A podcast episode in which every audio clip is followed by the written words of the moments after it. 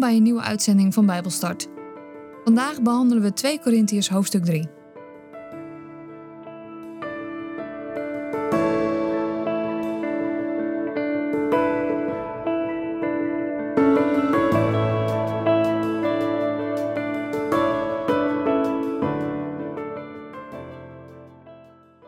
Ik lees uit de basisbijbel 2 Korintiërs 3, vers 1 tot en met 18.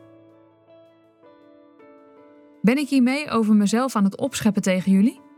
Of heb ik brieven van andere mensen nodig waarin zij goede dingen over mij schrijven? Of vraag ik soms aan jullie om zulke brieven over mij te schrijven? Sommige mensen hebben zulke brieven nodig, maar ik niet. Nee, jullie zijn zelf zo'n brief, geschreven in mijn hart. Iedereen kan die brief lezen en kan weten wat erin staat. Iedereen kan zien dat jullie een brief van Christus zijn, door mij geschreven. Maar niet geschreven met inkt, maar met de geest van de levende God. En hij is ook niet geschreven in steen, maar in vlees, in jullie harten. Ik durf dit zo te zeggen, want zo groot is mijn vertrouwen op God door Christus. Het is niet zo dat wij zelf zulk goed werk doen. Maar de goede dingen die gebeuren, zijn het werk van God door ons heen.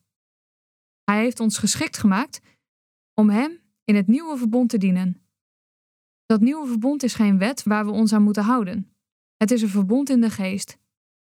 Want de wet brengt uiteindelijk de dood.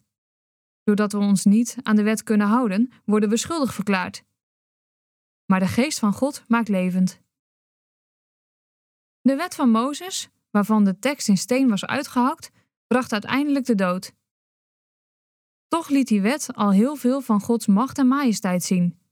Zoveel zelfs dat het volk Israël niet naar Mozes gezicht kon kijken toen hij hun de wet gaf. Want zijn gezicht straalde van hemels licht. Maar dat licht verdween ook weer. Maar het werk van de geest brengt leven. Daarom laat dat werk nog veel meer van Gods macht en majesteit zien. De wet van Mozes liet de mensen zien dat ze schuldig waren, omdat ze ongehoorzaam waren aan God. Toch waren Gods macht en majesteit erin te zien. Het werk van de geest spreekt de mensen, door het goede nieuws, vrij van hun schuld.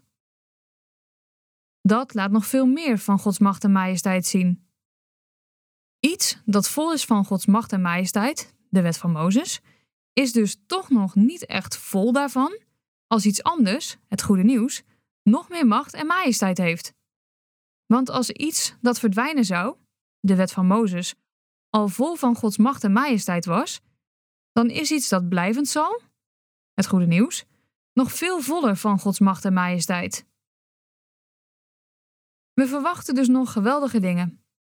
Daarom kunnen we vol geloof en zonder vrees spreken. We hoeven niet te doen wat Mozes deed. Hij deed een doek over zijn gezicht. Zo zou het volk Israël niet zien dat het stralende licht van Gods macht en majesteit ook weer van zijn gezicht verdween. Maar eigenlijk lag er niet alleen een doek over Mozes gezicht. Tot nu toe is het ook alsof er een doek ligt over het hart van de Israëlieten als er uit de boeken wordt voorgelezen. Ze zien niet waar de boeken werkelijk over gaan. Dat komt doordat hun hart koppig is. En die doek kan niet worden weggehaald, omdat die alleen door geloof in Christus verdwijnt. Elke keer als er uit de boeken van Mozes wordt voorgelezen, ligt die doek over hun hart. Daardoor begrijpen ze niet wat er eigenlijk staat. Maar elke keer als iemand in de Heer gaat geloven, wordt de doek van zijn hart weggehaald. De Heer is de geest, en waar de geest van de Heer is, is vrijheid. En op ons gezicht is het licht van de macht en majesteit van de Heer te zien. Want er is geen doek over ons gezicht. We zijn als spiegels die steeds meer de stralende macht en majesteit van de Heer weerspiegelen. Want we gaan steeds meer op Christus lijken. Dat gebeurt door de geest van de Heer.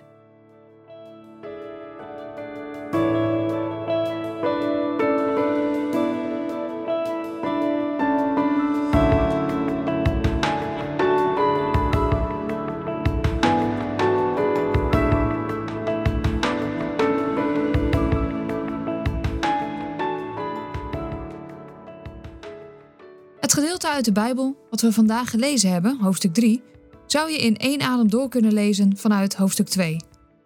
Paulus begint namelijk met de woorden: Ben ik hiermee over mezelf aan het opscheppen tegen jullie? Of heb ik brieven van andere mensen nodig waarin zij goede dingen over mij schrijven? Of vraag ik soms aan jullie om zulke brieven over mij te schrijven? Sommige mensen hebben zo'n brief nodig, maar ik niet. Nee, jullie zijn zelf zo'n brief geschreven in mijn hart. Iedereen kan zien dat jullie een brief van Christus zijn, door mij geschreven. Maar niet geschreven met inkt, maar met de geest van de levende God. En ook niet geschreven in steen, maar in vlees, in jullie harten. Ben ik hiermee over mezelf aan het opscheppen? Hiermee verwijst Paulus naar zijn werk wat hij beschrijft in hoofdstuk 2. Het feit dat hij en wij de taak hebben gekregen om Gods boodschap van Jezus door te geven. Het feit dat hij en wij een taak hebben gekregen van God om de boodschap van Jezus door te geven. En de brieven waar hij het over heeft, die kun je in het licht lezen van wat sommige valse leraars in die tijd deden. Zij maakten namelijk gebruik van valse getuigschriften om hun aanzien en gezag te vergroten. Paulus stelt heel duidelijk dat hij deze brieven niet nodig heeft. De beste aanbevelingsbrieven zijn te vinden in het leven van de mensen die door het werk van Paulus en dat van zijn mede-apostelen tot geloof gekomen zijn. Toch heeft Paulus ook gebruik gemaakt van deze aanbevelingsbrieven. Niet voor zichzelf, maar voor de mensen met wie hij samenwerkte. Zo schrijft hij een brief voor Febe, dat kun je lezen in Romeinen, en een brief voor Timotheus. Deze brieven maakten het namelijk makkelijker voor Paulus' vrienden om in een nieuwe gemeente binnen te komen. Door zo'n aanbevelingsbrief waren de meeste mensen wel verzekerd van een goede ontvangst in de verschillende gemeentes. In vers 3 schrijft hij dat de gemeente van Korinthe een brief van Christus is, geschreven door Paulus, maar niet met inkt, maar met de geest. En niet in steen geschreven, maar in vlees, in de harten van die mensen. En dit is een krachtige beeldspraak die bekend was in het Oude Testament. Deze beeldspraak wordt gebruikt als men de dag voorspelt waarop mensen een nieuw begin zullen ontvangen.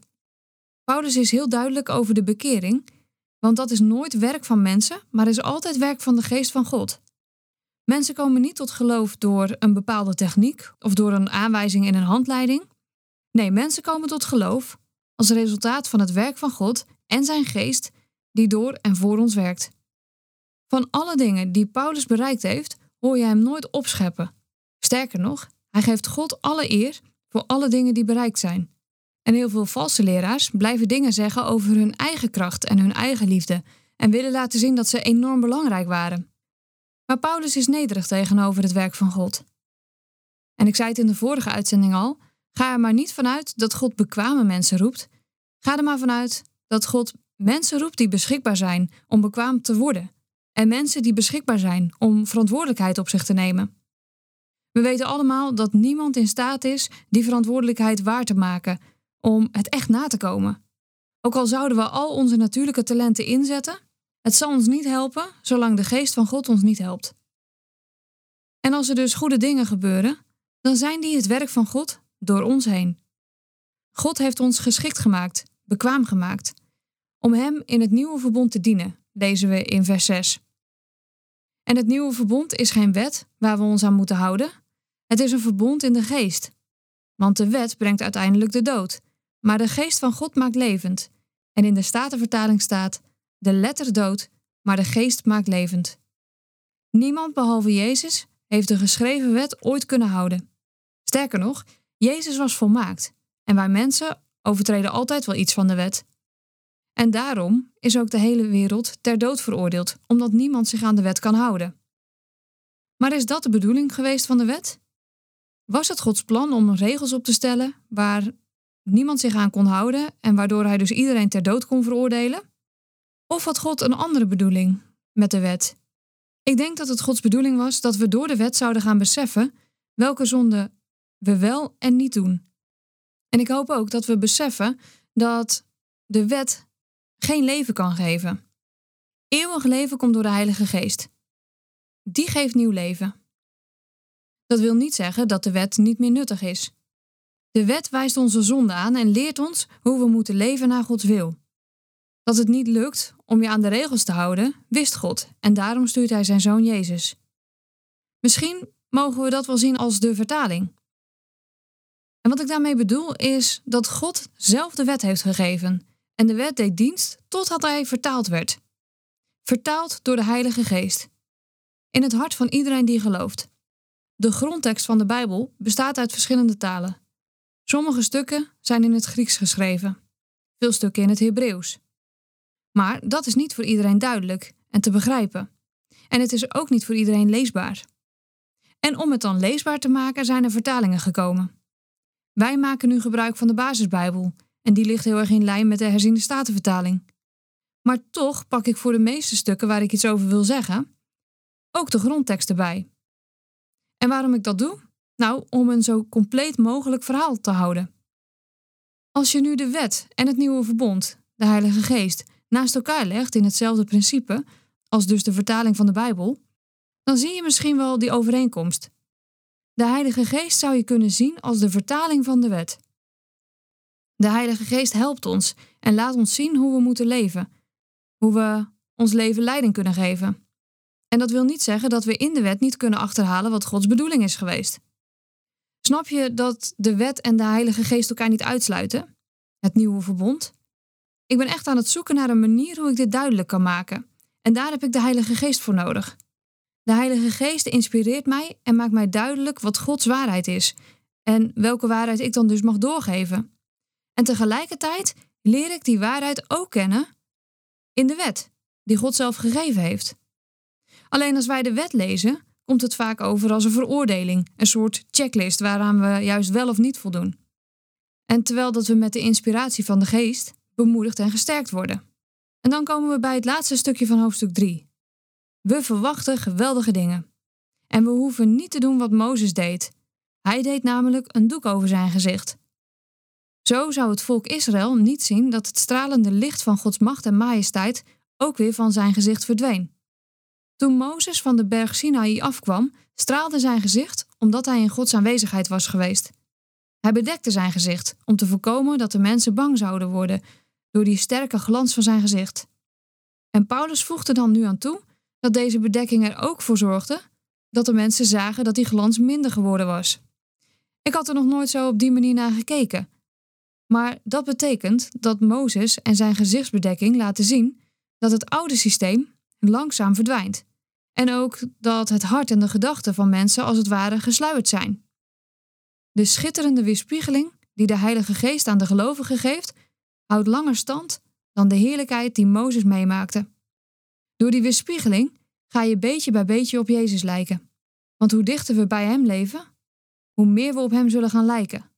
Wie wil dat nou niet?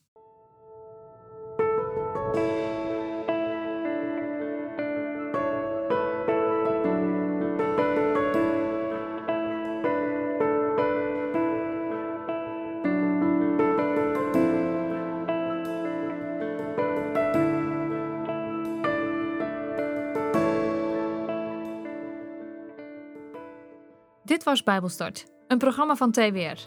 Het is gebaseerd op het Amerikaanse programma Through the Bible, ook wel TTB genoemd. En deze uitzending is een samenvatting van twee afleveringen. Wil je meer weten? Ga dan naar ttb.org of ga naar twr.nl/bijbelstart.